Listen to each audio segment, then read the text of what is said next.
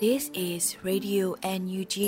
the voice of National Unity Government of Myanmar, broadcasting for Myanmar Spring Revolution. Radio NUG is transmitting from shortwave 16 meter 17.79 megahertz at 8:30 a.m. and 25 meter 11.94 megahertz at 8:30 p.m. Myanmar Standard Time. မင်္ဂလာပါရှင်။အမျိုးသားညီညွတ်ရေးအစိုးရရဲ့အတန်လွတ်ဌာန Radio NUG ကိုမန္တပိုင်း၈နိုင်ခွဲမှာလိုင်းတူ6မီတာ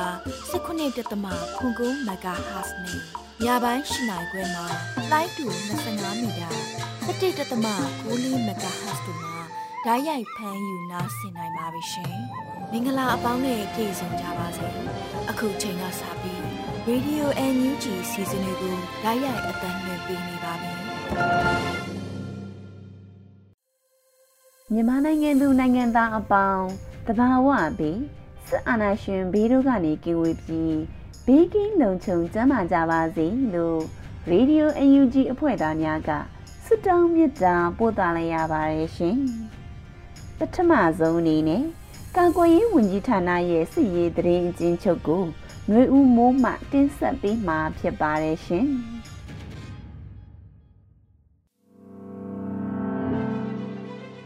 မင်္ဂလာပါခင်ဗျာအမျိုးသားညီညွတ်ရေးအစိုးရကာကွယ်ရေးဝန်ကြီးဌာနမှထုတ်ဝေသောနိုင်စဉ်စည်ရေးတရင်အချင်းချုပ်များကိုတင်ပြသွားပါမယ်ယနေ့တနိုင်ငံလုံးအတိုင်းအတာအနေနဲ့ရန်သူတပ်သား3ဦးသေဆုံးပြီးရန်သူတပ်သား2ဦးဒဏ်ရာရှိခဲ့ပါတယ်အာနာသိန်းအကြမ်းဖက်စစ်တပ်နဲ့တိုက်ပွဲဖြစ်ပွားမှုများကိုတင်ပြသွားပါမယ်မုံပြည်နယ်တွင်မတ်လ1ရက်နေ့မနက်10:30မိနစ်ခန့်ကတထုံမြို့နယ်ဒွင်းစိတ်ကျေးရွာအုပ်စုဒွင်းစိတ်တရားထိပ်ရှိရန်သူတပ်လုံခြုံရေးယူထားသောနေရာနှင့် တထုံအခြေဆိုင်ခလာရ24တို့ကို KNLA ပူးပေါင်းတပ်ဖွဲ့က drone ဖြင့်ပုံသီးချတက်ခတ်ခဲ့ရာဒရာထိတ်ရှိ လုံခြုံရေးယူထားသောဘန်ကာအနီးသို့ကြားရောက်ခဲ့ကရန်သူတပ်သား2ဦးသေဆုံးက2ဦးဒဏ်ရာရှိခဲ့ပါတယ်။မကွေးတိုင်းတွင်မတ်လ2ရက်နေ့နေ့လယ်3:30မိနစ်ခန့်ကကန့်ကောမြို့နယ်မင်းရွာသို့ရောက်ရှိခဲ့သောကန့်ကောအခြေဆိုင်ခလာရ90စစ်ကြောင်းကမြစ်တာမြစ်ကမ်းအနောက်ဘက်အနောက်ကန့်ကောအနီးသို့ပြန်လည်ဝင်ရောက်လာခဲ့ပြီး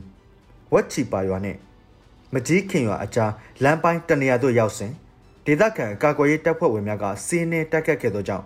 ရန်သူတပ်ဖွဲ့ဝင်များစွာထိခိုက်ဒေဆုံးနိုင်ပြီးဒေသကာကွယ်ရေးတပ်ဖွဲ့ဝင် PDF ရဲဘော်2ဦးကြဆုံးခဲ့ပါတယ်။မတ်လ၁ရက်နေ့မနက်10:48မိနစ်ခန့်ကကန့်ကောမြို့နယ်မင်းရွာရဲကင်းခန်းစခန်းတွင်ကင်းဆောင်နေသောရန်သူတပ်ဖွဲ့ဝင်တအုပ်ကိုပြည်သူ့ကာကွယ်ရေးတပ်မတော်ကန့်ကောခရိုင်တပ်ရင်းအမှတ်1နှင့်ကန့်ကောခရိုင်တပ်ရင်းအမှတ်17တို့က ခြုံခိုပြက်ခတ်ခဲ့ရာ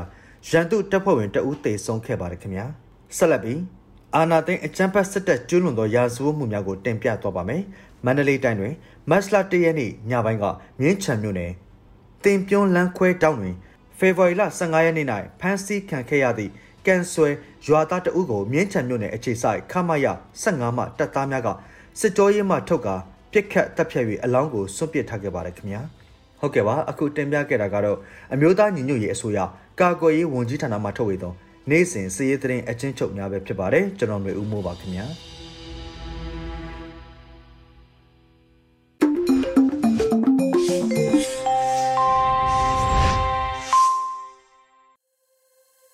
ဆက်လက်ပြီး Radio UNG ရဲ့နောက်ဆုံးရသတင်းများကိုစောတဲလူလေးမှဖန်ကြားတင်ဆက်ပေးပါမယ်ရှင်။ မင်္ဂလာပါအခုချိန်ရစပြီးမနက်ပိုင်းပြည်တွင်းသတင်းများကိုစတင်တင်ပြပေးပါရမယ်ဒေါ်လာရင်းမှာတိုက်ပွဲဝင်နေကြတဲ့လူငယ်တွေကိုကိုယ့်ရဲ့ရင်သွေးကဲ့သို့တံပိုးထားကြဖို့ယာယီသမရတိုက်တွန်းပြောကြားလိုက်တဲ့သတင်းကိုပထမဦးဆုံးတင်ပြပေးသွားပါမယ်မတ်လ2ရက်နေ့အမျိုးသားညီညွတ်ရေးဆိုရယာယီသမရဒူဝါလက်ရှိလာမှာပြည်သူများထံသို့သတင်းစကားမှာအခုလိုဆိုထားပါတယ် ပျက်စီးသွားတဲ့စီးစိမ်ဥစ္စာတွေကိုပြန်ရှာဖွေလို့ရတယ်ဆိုပေမဲ့လူလူကသွေးနဲ့ချွေးနဲ့ရင်ထားရတယ်တစ်ချက်တစ်ပြားကအစအင်မတန်တန်ဖိုးရှိပါတယ်တော်လိုင်းမှာတိုက်ပွဲဝင်နေတဲ့လူငယ်တွေကိုကိုယ့်ရဲ့ရင်သွေးကဲ့သို့တံပိုးထားကြပါလို့တိုက်တွန်းကြပါတယ်လို့ဝင်းကြီးကဆိုထားပါတယ်လက်ရှိမှာပြည်သူ့ကာကွယ်ရေးတပ်ရင်းတပ်ဖွဲ့ပေါင်း303ရင်မြို့နယ်ပကဖအဖွဲ့ပေါင်း260ခန့်ရှိပြီဖြစ်ကရဲဘော်အများစုမှာလူငယ်များဖြစ်ကြောင်းတင်ရရှိပါရခင်ဗျာ အခုဆက်လက်တင်ပြပေးမှာကတော့ပြည်သူမှယုံကြည်စွာအနှင်းသားသောအစိုးရဖြစ်သောကြောင့်ပပြည်သူများ၏အသက်အိုးအိမ်စီးစိမ်လုံခြုံရေးနှင့်တရားဥပဒေစိုးမိုးရေးကိုအဓိကထားဆောင်ရွက်ရန်ပြည်အောင်စုဝန်ကြီးချုပ်မန်းဝင်းခိုင်တန်းကဆိုလိုက်တဲ့သတင်းပဲဖြစ်ပါတယ်။မတ်လ2ရက်နေ့မှာကျင်းပတဲ့ဂျာကာလာဒေသနာပြည်သူ့အုပ်ချုပ်ရေးဖော်ဆောင်မှုဗဟိုကော်မတီအစည်းအဝေးမှာဝန်ကြီးချုပ်ကအခုလိုဆိုထားပါတယ်။စစ်ကောင်စီ၏စစ်အုပ်ချုပ်ရေးကြီးညာခြင်းခံရသောပြည်သူများ၏လူမှုဘဝမလုံခြုံမှုပုံမခံစားနေရကြောင်း အကြမ်းဖက်စစ်ကောင်စီ၏မတရားမိရှို့တပ်ဖြတ်တာတွေအပြင်မတမာသူများ၏မတရားလူရက်တပ်ဖြတ်မှုများနေရာတိုင်းတွင်ရှိနေကြောင်းမိမိတို့အစိုးရသည်ပြည်သူမှယုံကြည်စွာအနှင်းထားသောအစိုးရဖြစ်သောကြောင့်ပြည်သူများ၏အသက်အိုးအိမ်စည်းစိမ်လုံခြုံရေးနှင့်တရားဥပဒေစိုးမိုးရေးကိုအဓိကထားဆောင်ရွက်ရန်လိုကြောင်းရဲရွာလုံခြုံရေးအတွက်တာဝန်ရှိသောပြည်သူလုံခြုံရေးအဖွဲ့များအားကောင်းရန်နှင့်လိုအပ်သောပြည်သူအခြေပြုရဲလုပ်ငန်းစနစ်များဆောင်ရွက်နိုင်ရန်လိုအပ်သောတင်နန်းများကိုသက်ဆိုင်ရာဝန်ကြီးဌာနမှကြည်ကြဲပြည့်ပြည့်စီမံပေးရန်လိုကြောင်းဝန်ကြီးချုပ်ကဆိုထားပါတယ်။ဆက်လက်ပြီးတက်ရောက်လာကြသောဂျာကာလာဒေသနာပြည်သူ့အုပ်ချုပ်ရေးဖော်ဆောင်မှုဗဟိုကော်မတီအဖွဲ့ဝင်များမှရှင်းမြင့်ဆောင်2023တွင်ချမှတ်ထားသောဆုံးဖြတ်ချက်ရှေ့လုပ်ငန်းစဉ်များနှင့်ပတ်သက်ပြီးပြည်စည်းမှုအခြေအနေများနှင့်ဆက်လက်ဆောင်ရွက်ရန်ကြံရှိနေသည့်လုပ်ငန်းစဉ်များကိုချပြရှင်းလင်းပြီးတက်ရောက်လာသောတာဝန်ရှိသူများမှအကြံတဝင့်ဆွေးနွေးခဲ့ကြပါသည်အစည်းအဝေးသို့ပြည်အောင်စုဝင်ကြီးများဒုတိယဝင်ကြီးများအမြဲတမ်းတွင်ဝင်များဌာနဆိုင်ရာမှတာဝန်ရှိသူများတက်ရောက်ခဲ့ကြကြောင်းတင်ပြရရှိပါရခင်ဗျာ။ အကြံဖက်စစ်ကောင်စီရဲ့ဘုံနေပြည်တော်အပါဝင်ဘယ်နေရာမှာမှလုံခြုံရာနေရာရှာမရနိုင်ဘူးဆိုတာသိစေရမယ်လို့ကာကွယ်ရေးဝန်ကြီးဦးရင်မွန်တတိပေးပြောကြားလိုက်တဲ့သတင်းကိုဆက်လက်တင်ပြပေးပါမယ်။မတ်လ2ရက်နေ့ PDF ရဲဘော်များတို့ NUG ကာကွယ်ရေးဝန်ကြီးဦးရင်မွန်၏ပြောကြားချက်များမှာအခုလိုထည့်သွင်းဖော်ပြထားပါတယ်။ပြီးခဲ့တဲ့ဖေဖော်ဝါရီလကတော့ PDF တက်မတော်တွေအတွက်ဂုံယူစရာလတ်တလဖြစ်ခဲ့ပါတယ်။ ဒီလအတွင်းစကိုင်းနဲ့စစ်ဒေသ၃ခုလုံးက PDF တရင်များပကဖများ local PDF များလက်တွဲပါဝင်ပြီးတနိုင်ငံလုံးအတိုင်းအတာနဲ့တပြိုင်နက်ဟန်ချက်ညီစစ်ဆင်မှုအကြိမ်80တိတိဖော်ဆောင်နိုင်ခဲ့ကြပါတယ်။တိုက်ပွဲဖော်ဆောင်ရာဒေသတွေကစကိုင်းတိုင်းမကွေးတိုင်းမန္တလေးတိုင်းရန်ကုန်တိုင်းပဲခူးတိုင်းနဲ့နေပြည်တော်တို့ဖြစ်ပါတယ်။ပြည်သူကိုစန့်ကျင်တဲ့အကြမ်းဖက်စစ်ကောင်စီရဖို့နေပြည်တော်အပါအဝင်ဘယ်နေရာမှာမှလုံခြုံရာရှာမရနိုင်ဘူးဆိုတာသူတို့သိစေရမယ်လို့ဝန်ကြီးကဆိုထားပါတယ်။ ဖေဖော်ဝါရီလအတွင်းတိုက်ပွဲပေါင်း80အနက်65ပွဲကိုတော့24နာရီတွင်တပြိုင်တည်းဟန်ချက်ညီဖော်ဆောင်နိုင်ခဲ့ကြတာဖြစ်ပြီးစစ်စင်မှုရဲ့ပြစ်မှတ်တွေထဲမှာရန်သူလေတပ်စခန်း2ခုနဲ့ရဟရင်ကွင်း1ခုကပ္ပစစက်ယုံ3ခုတိုင်းဌာနချုပ်1ခုနဲ့တက်မဌာနချုပ်1ခုရန်သူအထိုင်နဲ့နောက်တန်းစခန်း26ခုရဲစခန်း9ခုရန်သူစစ်ကြောင်း2ခုပြူစောတိစခန်း15ခုတို့ပါဝင်ကြောင်းတင်ရရှိပါရခင်ဗျာ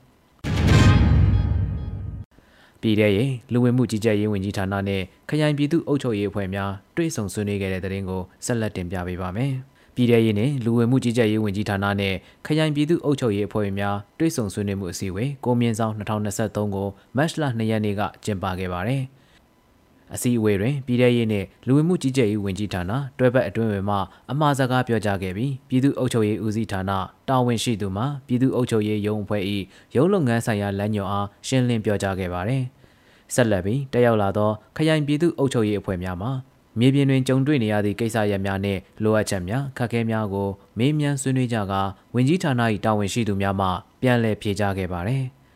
အဆိုပါစည်းဝေးသို့ပြည်သူ့အုပ်ချုပ်ရေးဦးစီးဌာနပြည်သူ့ရဲတပ်ဖွဲ့မိသက်ဦးစီးဌာနလူဝင်မှုကြီးကြပ်ရေးဦးစီးဌာနအထူးစုံစမ်းထောက်လှမ်းရေးဦးစီးဌာနတို့မှတာဝန်ရှိသူများနှင့်ခရိုင်ပြည်သူ့အုပ်ချုပ်ရေးအဖွဲ့များတက်ရောက်ခဲ့ကြကြောင်းတင်ပြရရှိပါရခင်ဗျာအခုတင်ပြပေးမှာကတော့ CRPH အလုံသမားရေးရာကော်မတီနဲ့ NUG စီးပွားရေးကုသရေးဝယ်ရေးဝန်ကြီးဌာနတို့တွဲဆုံဆွေးနွေးတဲ့တဲ့တင်ပဲဖြစ်ပါတယ်။ စစ်ဘေးရှောင်ပြည်သူများနဲ့ CDM များအလောက်ကိုင်းခွင့်လန်းရရှိရေးအလုံသမားများစွမ်းဆောင်ရည်မြင့်တင်ရေးကိစ္စများနဲ့ဆက်လင်း၍ပြည်ထောင်စုလွှတ်တော်ကိုစားပြုကော်မတီတွင်ဖွဲ့စည်းထားသောအလုံသမားရေးရာကော်မတီကစီးပွားရေးနှင့်ကုသရေးဝယ်ရေးဝန်ကြီးဌာနနှင့်ဗီဒီယိုကွန်ဖရင့်မှာတစဉ်မတ်လ၁ရက်နေ့ကတွေ့ဆုံဆွေးနွေးခဲ့ပါတယ်။တွေ့ဆုံပွဲတွင်အလုံသမားရေးရာကော်မတီဥက္ကဋ္ဌဦးဥက္ကာမင်းကအဖွင့်မှာစကားပြောကြားခဲ့ပြီးစီးပွားရေးနှင့်ကုသရေးဝန်ကြီးဌာနမှပြည်အောင်စုဝန်ကြီးဒေါက်ခင်မမမျိုးကနှုတ်ခွန်းဆက်စကားပြောကြားက ဝန်ကြီးဌာန၏ဖွဲ့စည်းပုံနှင့်လုပ်ငန်းဆောင်ရွက်နေမှုများအားရှင်းလင်းပြောကြားခဲ့ပါသည်ထို့နောက်ဝင်ကြီးဌာနမှတာဝန်ရှိသူများကဝင်ကြီးဌာန၏လုပ်ငန်းဆောင်ရွက်မှုများအားလုပ်ငန်းအလိုက်အသေးစိတ်ရှင်းလင်းပြောကြား၍ကျေးလက်စည်းပွားရေးဆိုင်ရာအလုပ်ကိုင်ခွင့်လန်းများဖန်တီးပေးနိုင်ရေးနဲ့အလုပ်သမားခွင့်ရေးများကာကွယ်ပေးနိုင်ရေးကိစ္စရပ်များ International Labor Standards ဆိုင်ရာသင်တန်းများအသက်မွေးဝမ်းကြောင်းဆိုင်ရာသင်တန်းများနဲ့ Forced Labor တိုက်ဖြတ်ရေးဆိုင်ရာအလုပ်ရုံဆွေးနွေးပွဲများပြုလုပ်နိုင်ရင် SME လုပ်ငန်းများအတွက်ချေးငွေချပေးခြင်းကိစ္စများအားပွင့်လင်းမြင်သာမှုရှိစွာကြဲကြဲပြည့်ပြည့်ဆောင်ရွက်နိုင်ရေးကိစ္စရပ်များအတွက်ဆက်လက်ချိတ်ဆက်လှုပ်ဆောင်နိုင်ရန်အပြန်အလှန်ဆွေးနွေးညှိနှိုင်းခဲ့ကြကြောင်းတင်ပြရရှိပါရခင်ဗျာအခုတခါစကိုင်းတိုင်းကောလင်းကပြည်သူ18ဦးနဲ့စကိုင်းမြို့နယ်ကပြည်သူ15ဦးကိုစစ်ကောင်စီတပ်များတပ်ဖြတ်ခဲ့၍အစုလိုက်ပြုံလိုက်တိတ်ဆုံးမှု32ဦးထိရှိလာတဲ့တဲ့ရင်ကိုတင်ပြပေးပါမယ်။ဖေဖော်ဝါရီလ18ရက်နေ့ညပိုင်းမှာကတိကုန်းရွာသို့ ရွာကိုဝိုက်ခါကတိကုန်းရွာသား18ဦးကဖမ်းဆီးခေါ်ဆောင်သွားခဲ့ပြီးတပ်ဖြတ်ခဲ့တာလို့သတင်းရရှိထားပါတယ်။ဖမ်းဆီးခံရတဲ့ပြည်သူတွေကိုတပ်ဖြတ်လိုက်တယ်ဆိုတာကျွန်တော်တို့လည်းအဲ့ဒီလိုသိထားပါတယ်လို့ကောလင်းတော်လိုင်းရေးအင်အားစု KR team ကပြောကြားထားခဲ့ပါတယ်။ဖမ်းဆီးခံရသောပြည်သူများမှာကတိကုန်းရွာသားများဖြစ်ကြသည့်မြင့်စောဦးဝင်းစောဖိုးမဲအောင်သက်နိုင်မြို့ထက်နိုင်စင်ကုန်မင်းကြော်တင့်နိုင်ထွေးတောင်ရွှေထွန်းထေးတာတီရန်အောင်မောင်ခိုင် နန်းကိုဦးချဲကိုတန်းရွှေအောင်မျိုးတို့ဖြစ်တယ်လို့သိရှိရပါတယ်။အလားတူမတ်လတရက်နေ့ကလည်းစကိုင်းမြို့နယ်တာတိုင်ကျေးရွာတဲ့စစ်ကောင်စီတပ်များစစ်ကြောင်းထိုးဝင်ရောက်၍အရက်သားပြည်သူ15ဦးကိုဖမ်းဆီးခေါ်ဆောင်ကလမ်းတနေရာမှာတပ်ဖြတ်သွားခဲ့ကြောင်းသတင်းရရှိထားပါတယ်။စစ်ကြောင်းကဖြတ်တဲ့အခါကာကွယ်ရေးတပ်တွေဖြတ်မတိုက်ရဲအောင်ဒဇာကန်ခေါ်တဲ့သဘောပါမလိုတော့တဲ့အခါညှဉ်းပန်းနှိပ်စက်တပ်ဖြတ်လိုက်တာပါအင်မတန်လူမဆန်တဲ့လောက်ရက်ပါလို့တော်လိုင်းရေးရဲဘော်တို့ကအတည်ပြုဆိုထားကြောင်းသတင်းရရှိပါရခင်ဗျာ မဏိပူရပြည်နယ်တွင်ယာယီနေထိုင်ခွင့်စေဘေးရှောင်ကပ်များထုတ်ပေး၍သွာလာနေထိုင်ခွင့်ပြုရန်ပြည်တွင်းအခြေစိုက်နှင့်အိန္ဒိယအခြေစိုက်အဖွဲ့အစည်းပေါင်း64ဖွဲ့ကမြန်မာအတွက်တောင်းဆိုလိုက်တဲ့သတင်းကိုတင်ပြပေးသွားပါမယ်။မတ်လ2ရက်နေ့မှာအိန္ဒိယနိုင်ငံမဏိပူရပြည်နယ်အတွင်းဖြစ်ပွားနေသည့်စိုးရင်ပွဲအခြေအနေများနှင့်ဆက်လင်း၍မြန်မာပြည်တော်လှန်ရေးအစုအဖွဲ့များ၏ပူးရဲထုတ်ပြန်တောင်းဆိုချက်ကို India for Myanmar ကအခုလိုအသိပေးဖော်ပြထားပါတယ်။ အိန္ဒိယနိုင်ငံဗဟိုအစိုးရ၏အိန္ဒိချင်းနိုင်ငံများနှင့်ဆက်ဆက်သည့်နိုင်ငံခြားရေးမူဝါဒအားပြုပြင်ပြောင်းလဲကမြန်မာစစ်တပ်၏စစ်အာဏာသိမ်းမှုကြိုးပမ်းမှုများအားရှုတ်ချကန့်ကွက်၍မြန်မာပြည်သူများနှင့်အတူဒီမိုကရေစီရည်တည်ရန်တောင်းဆိုထားတယ်လို့ဆိုထားပါတယ်။ဒါအပြင်စစ်ပရိပခများကြောင့်တရားမဝင်နေဆက်ဖျက်ကျော်ခဲ့ရသည့်စစ်ဘေးရှောင်ပြည်သူများအားဖမ်းဆီးထောင်ချအရေးယူမှုများကိုရပ်တန့်၍အကျဉ်းထောင်များကချက်ချင်းပြန်လွှတ်ပေးရန်နှင့် မြန်မာပြည်သူများ၏နေရက်ဆုံးခွာစစ်ဘေးရှောင်နေရသည့်လက်တွေ့အခက်အခဲများအားလူသားချင်းလေးစားစာနာသောအပြင်မဏိပူရပြည်နယ်တွင်ယာယီနေထိုင်ခွင့်စစ်ဘေးရှောင်ကပ်များထုတ်ပေး၍တောလာနေထိုင်ခွင့်ပြုရန်စတဲ့အချက်များတောင်းဆိုခဲ့ကြောင်းတင်ပြရရှိပါရခင်ဗျာ။အခုတင်ပြခဲ့တဲ့သတင်းတွေကိုတော့ Radio NUG သတင်းတောက်မင်းမင်းကပေးပို့ထားတာပဲဖြစ်ပါတယ်ကျွန်တော်စောတဲလူနေပါ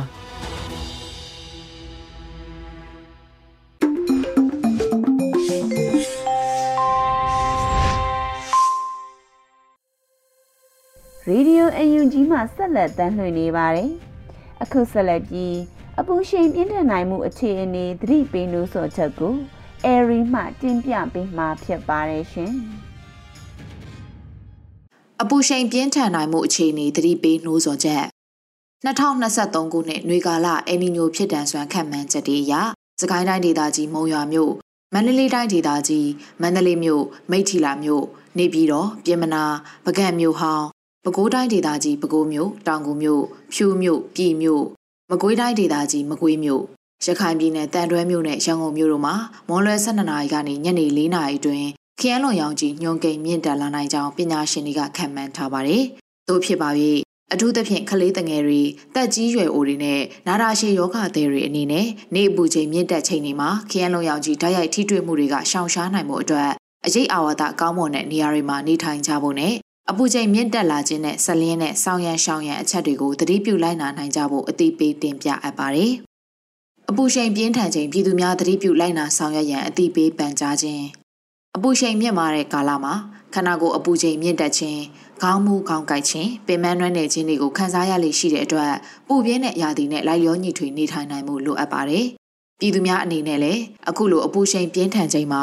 ဖော်ပြပါချက်တွေကိုသတိပြုလိုက်နာဆောင်ရွက်ကြဖို့အတိပေးပန်ကြားအပ်ပါတယ်။အရေးရပြီးအေးမြတဲ့နေရာတွေမှာနေပါ။အဆောက်အုံတွေမှာလေဝင်လေထွက်ကောင်းမွန်စေဖို့ဆောင်ရွက်ပါ။ရေများများတောက်ပါ။နေဘူးတွေကပြန်လာပြီးချက်ချင်းရေချိုးခြင်းကနေရှောင်ကျင်ပါအယောင်ဖြော့တဲ့ပွားပွားချောင်ချောင်ချီတဲ့တွေဝစ်စင်ပါအပူချိန်ပြင်းထန်တဲ့အချိန်တွေမှာကလေးတငယ်တွေတက်ကြီးရွယ်အိုတွေကိုမော်တော်ကားအတွင်အလုံးပိတ်ထားတဲ့အခန်းတွေအတွင်းမှာတအူးရဲထားခဲ့ခြင်းကနေသတိပြုရှောင်ရှားပါ နေ့လည်နေခင်အချိန်ဒီမှာကလေးငယ်တွေကိုအဆောက်အုံတွေရဲ့ပြင်ပနေအောင်ကြီးနဲ့ဓာတ်ရိုက်ထိတွေ့တဲ့နေရာတွေမှာလှုပ်ရှားကစားခြင်းတွေမပြုပါစေနဲ့ပူပြင်းတဲ့နေအောင်အောက်ကနေအလွန်အေးတဲ့အခန်းနဲ့ကားအတွင်းကိုချက်ချင်းဝင်ရောက်ခြင်းအလွန်အေးတဲ့အခန်းနဲ့ကားအတွင်းကနေပူပြင်းတဲ့နေရောင်တွေကိုချက်ချင်းထွက်ချင်းတွေကိုရှောင်ရှားပါ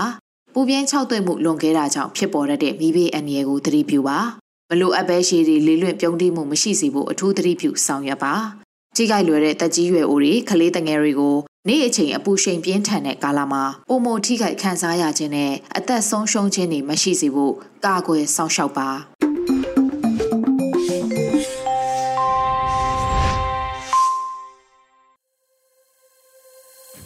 ရေဒီယိုအယူကြီးမှဆက်လက်တမ်းလွှင့်နေပါတယ်။အခုဆက်လက်ပြီးတော်လှန်ရေးတိဂီတာအစီအစဉ်အနေနဲ့နောင်ယူရေးသားထားပြီး PDF ရဲဘော်များတီးဆိုထားကြတယ်။ လူငယ်တွေရှိကိုတုံးလို့အမည်ရှိတဲ့တခြင်းကိုခန်းစားနားဆင်ကြရမှာဖြစ်ပါတယ်ရှင်။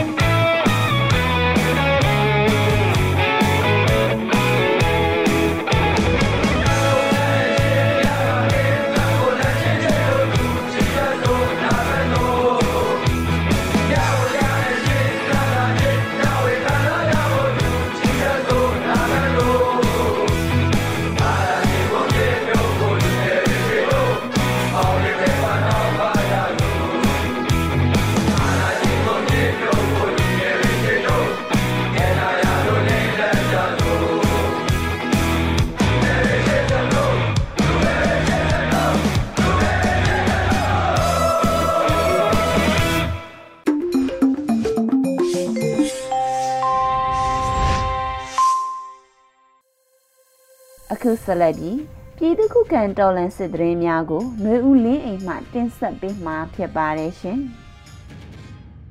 ပထမဆုံးအနေနဲ့ခင်ဦးမှာစကားဆစစ်ကြောင်းမိုင်းဆွဲတိုက်ခိုက်ခံရတဲ့တဲ့ရင်ကိုတင်ဆက်ပေးပါမယ်။စကိုင်းတိုင်းခင်ဦးမြို့နယ်တရက်ပင်စုရွာမှာထွက်ခွာလာတဲ့စစ်ကြောင်းကိုမိုင်းဆွဲတိုက်ခိုက်ရာစစ်သား9ဦးသေဆုံးခဲ့ကြောင်းခင်ဦး Special Force Organization KSO တပ်ဖွဲ့ကဆိုပါတယ်။ မတ်လတရက်နေ့မှာခေဦးမြို့နယ်တရက်ပင်စုကျေးရွာလင်းရောင်ကြီးဖုန်ကြီးကျောင်းမှာ၃ရက်တာတက်ဆွဲထားတဲ့အကြမ်းဖက်စစ်တပ်စစ်ကြောင်းကိုတရက်ပင်စုရွာမှာရာတော်ကျေးရွာဘက်ကိုထွက်ခွာလာစဉ်ရှေ့ပြေးစစ်သား10ဦးကိုဗရေတာမိုင်းနှလုံးနဲ့ဖောက်ခွဲတိုက်ခိုက်ခဲ့ပြီးစစ်သား9ဦးသေဆုံးခဲ့ကြောင်းသိရတာပါဆက်လက်ပြီးဘူးတလင်တွင်ဂိတ်ဆောင်ရန်ထွက်လာတဲ့စစ်တပ်ကားကိုပြစ်ခတ်မှုမှာစစ်သား3ဦးသေဆုံးပြီးလက်နက်နှစ်လက်သိမ်းဆည်းရမိတဲ့တဲ့ရင်ကိုတင်ဆက်ပေးပါမယ်။ စကိုင်းတိုင်းဘူးတလင်မြို့နယ်မှာခီးတဲ့တင်ကားတွေကိုစစ်ဆေးပြီးစက်ကြီးကောက်ရန်ထွက်လာတဲ့စစ်တပ်ကားကိုပြစ်ခတ်ရာစစ်သား3ဦးသေဆုံးပြီးလက်နက်နှစ်လက်သိမ်းဆည်းရမိကြောင်းဘူးတလင်မြို့နယ်မှာဒေသကာကွယ်ရေးတပ်ဖွဲ့ထံမှသိရပါဗျ။မတ်လ2ရက်နေ့မနက်4နာရီခွဲအချိန်မှာခီးတဲ့ကားတွေကိုဆက်ကြီးတောင်းရန်ထွက်လာတဲ့စစ်ကောင်စီကပြစ်ခတ်ခံရပြီးစစ်သား3ဦးသေဆုံးခဲ့ကြောင်းဒေသကာကွယ်ရေးတပ်ဖွဲ့ကလက်နက်နှစ်လက်သိမ်းဆည်းရမိပြီးစစ်သားတချို့ထွက်ပြေးလွတ်မြောက်သွားကြောင်းသိရှိရတာပါ။ ရင်းမပင်မြို့နယ်ရှိအမေရင်ရင်နန်းနန်းအနီးတိုက်ပွဲဖြစ်ပွားပြီးစစ်သား9ဦးထိခိုက်သေဆုံးတဲ့တဲ့ရင်ကိုဆက်လက်တင်ဆက်ပေးပါမယ်။စကိုင်းတိုင်းရင်းမပင်မြို့နယ်ရှိအမေရင်ရင်နနက်အနီးတိုက်ပွဲဖြစ်ပွားပြီးစစ်သား9ဦးထိခိုက်ဒေဆုံးခဲ့ကြောင်းကြောက်လုံးကြီး KLG PDF ထံမှသိရပါဗျ။ မတ်လတရက်နေ့မနက်9:00နာရီခန့်မှာရင်းမပင်မြို့နယ်ကုန်းရွာကိုမီးရှို့ပြီးထွက်လာတဲ့အကြမ်းဖက်စစ်တပ်စစ်ကြောင်းကိုဒေသကာကွယ်ရေးတပ်ဖွဲ့တွေကကုန်းရွာနဲ့စားတော်ပြင်ရွာအခြားရှိအမေရင်ရင်နနက်အနီးနေရာယူကတိုက်ခိုက်ခဲ့ပြီးအချိန်2နာရီခန့်ထိတွေ့တိုက်ပွဲဖြစ်ပွားကစစ်သား9ဦးထိခိုက်ဒေဆုံးပြီးအများအပြားထိခိုက်ဒဏ်ရာရရှိခဲ့ကြောင်းသိရတာပါ။ တိုက်ပွဲအတွင်းရင်းမပင်မြို့ပေါ်ကအကြမ်းဖက်စစ်တပ်က120မမလက်နက်ကြီးတွေနဲ့ပစ်ကူပေးတာကြောင့်ညီနောင်မဟာမိတ်တပ်ဖွဲ့များမှရဲဘော်တအူအသက်အန္တရာယ်မစိုးရိမ်ရဒဏ်ရာရရှိခဲ့ကြောင်းသိရှိရပါတယ်။နောက်ဆုံးအနေနဲ့ရွှေဘုံမှာစစ်တပ်တပ်ဆွဲထားတဲ့နေရာကို drone လက်နက်ကြီးနဲ့တိုက်ခိုက်တဲ့တဲ့ရင်ကိုတင်ဆက်ပေးပါမယ်။စကိုင်းတိုင်းရွှေဘုံမြို့နယ်ရှိအကြမ်းဖက်စစ်တပ်တပ်ဆွဲထားတဲ့နေရာကို drone လက်နက်ကြီးတွေနဲ့တိုက်ခိုက်မှုမှာစစ်သား3ဦးသေဆုံးခဲ့ကြောင်းမျက်မြင်တွေကဆိုပါတယ်။ ဖေဖော်ဝါရီလ19ရက်နေ့မှာရွှေဘုံမြို့နယ်အရှိချမ်းကလမကျေးရွာနဲ့လက်ကောက်ကျကျေးရွာအနောက်ဘက်ဘိုးနက်တောင်နဲ့တောင်လဖျားပေါ်မှာတက်ဆွဲထားတဲ့စစ်သားနဲ့ပြူစောထီတွေကိုကာကွယ်ရေးတပ်ဖွဲ့တွေကလက်နက်ကြီးတွေနဲ့ပစ်ခတ်ပြီး drone နဲ့ဘုံသီးလေးလုံးကျဲချတိုက်ခိုက်ခဲ့တာကြောင့်စစ်သား3ဦးသေဆုံးခဲ့ကြောင်းဒေသကာကွယ်ရေးမဟာမိတ်သတင်းရင်းမြစ်တွေကဆိုပါတယ်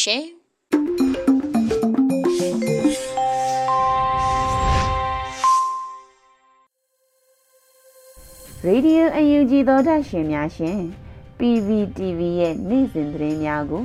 ရိမ့်မှဖက်ချန်းတင်ပြပေးပါမယ်ရှင်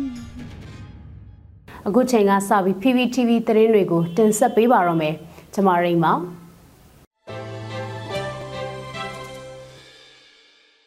ပထမဆုံးတင်ဆက်မှာကအပြစ်မဲ့ပြည်သူများရဲ့အသက်အိုးအိမ်စီးစိမ်ဖျက်ဆီးခံရမှုများကိုတော်လှန်ရေးကာလအလွန်ပြန်လည်ထူထောင်ရေး NUG ကတိကဝတ်ပြုရန်သခိုင်းတိုင်းလွှတ်တော်မှာအဆိုတင်သွင်းတဲ့သတင်းပါ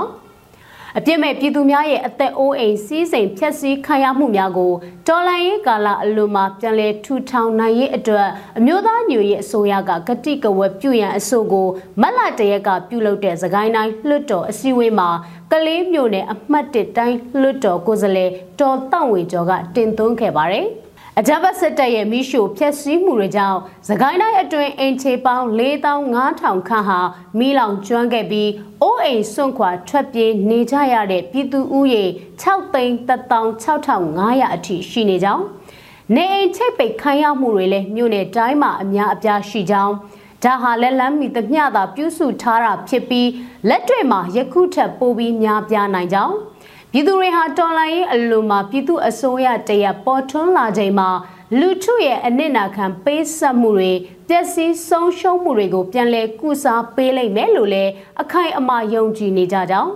ဒါကြောင့်တော်လိုင်းရေးကာလအတွင်းမှာတာဝန်ယူထားတဲ့အမျိုးသားညီညွတ်ရေးအစိုးရတက်တန်းအတွင်းမှာပြည်သူထံသို့ကတိကဝတ်ပြုပေးစေလိုတာကြောင့်ယခုလိုအဆိုပြုရခြင်းဖြစ်ကြောင်းတော်တောင့်ဝေကျော်ကလွှတ်တော်မှာဆွေးနွေးခဲ့တာပါ။။ သခိုင်းတိုင်းလွှတ်တော်ကိုစားပြုကော်မတီရဲ့ဓာတိအကြိမ်မြောက်လွှတ်တော်ပုံမှန်အစည်းအဝေးမှာအစီအစဉ်15ရက်အဆို3ခုကျေပွန့်ပြမေကွန်း1ခုကျေပွန့်မပြမေကွန်း4ခုတို့အားလွှတ်တော်တွင်မှတ်တမ်းတင်နိုင်ခဲ့ကြောင်းသိရှိရပါတယ်။စကိုင်းတိုင်းလွှတ်တော်အတွင်းမှာဆွေးနွေးခဲ့တဲ့အဆိုတွေကိုမှတ်တမ်းတင်ထားရှိမှာဖြစ်ပြီးတော့အမျိုးသားညွေရေးအစိုးရစီကိုပြန်လည်ပေးပို့သွားမှာဖြစ်တယ်လို့လည်းသိရှိရပါတယ်။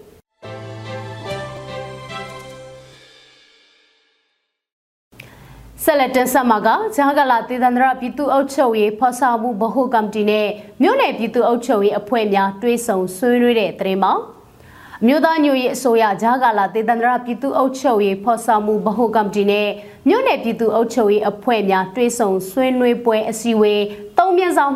2023ကိုမလတ်တရမွန်းလွဲတနင်္လာရီမှာပြုလုပ်ခဲ့ကြပါတယ်။ အစည်းအဝေးမှာဂျာကာလာတေသန္တရပြည်သူ့အုပ်ချုပ်ရေးဖော်ဆောင်မှုဗဟိုကော်မတီအဖွဲ့ဝင်ပညာရေးဝန်ကြီးဌာန၊ကျန်းမာရေးဝန်ကြီးဌာနပြည်ထောင်စုဝန်ကြီးဒေါက်တာဇော်ဝေဆိုက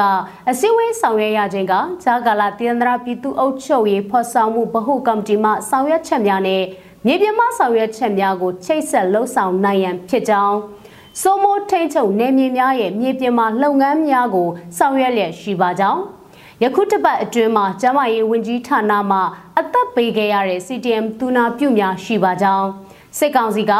စေးရုံစေခန်းစာတင်ကျောင်းများကိုပြစ်ခတ်မီးရှို့မှုများဆောင်ရွက်လျက်ရှိကြောင်းမြေပြင်မှာအသက်ပေးပြီးဆောင်ရွက်နေကြသူများအားလုံးဝိုင်းဝန်းပူးပေါင်းကအကောင်းဆုံးဖြစ်ရန်လှုံ့ဆော်ရမှာဖြစ်ကြောင်းမြေပြင်မှာတိုက်ပွဲဝင်နေသူများအားလုံးကို အမြဲဦးစားပေးလေးစားပါကြောင်း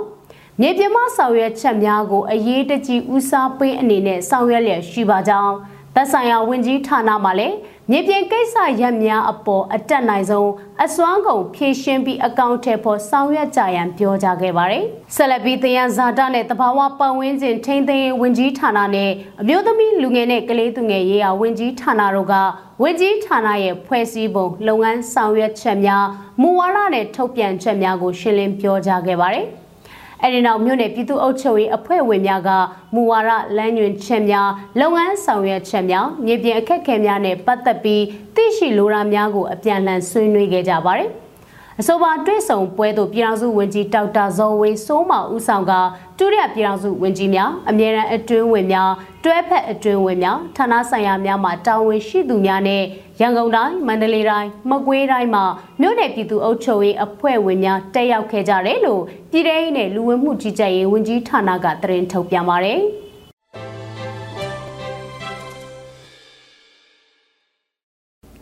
အခုတင်ဆက်မှာကပြည်ပရောက်မြန်မာနိုင်ငံသားတို့ရဲ့သားသမီးများအားမွေးစရက်လက်မှတ်ထုတ်ပေးတဲ့အပေါ်ပြည်ထရေးနဲ့လူဝမှုကြီးကြပ်ရေးဝန်ကြီးဌာနကအသိပေးထုတ်ပြန်လိုက်တဲ့သတင်းမှာ ပြည်ပရောက်မြန်မာနိုင်ငံသားတို့ရဲ့သားသမီးများအားမွေးစရင်လက်မှတ်ထုတ်ပေးခြင်းကိစ္စနဲ့ဆက်လင်းပြီးပြည်ထောင်နဲ့လူဝမှုကြီးကြပ်ရေးဝန်ကြီးဌာနကမတ်လတရရက်စွဲနဲ့အသိပေးထုတ်ပြန်ထားပါတယ်။ ထုတ်ပြန်ချက်ထဲမှာ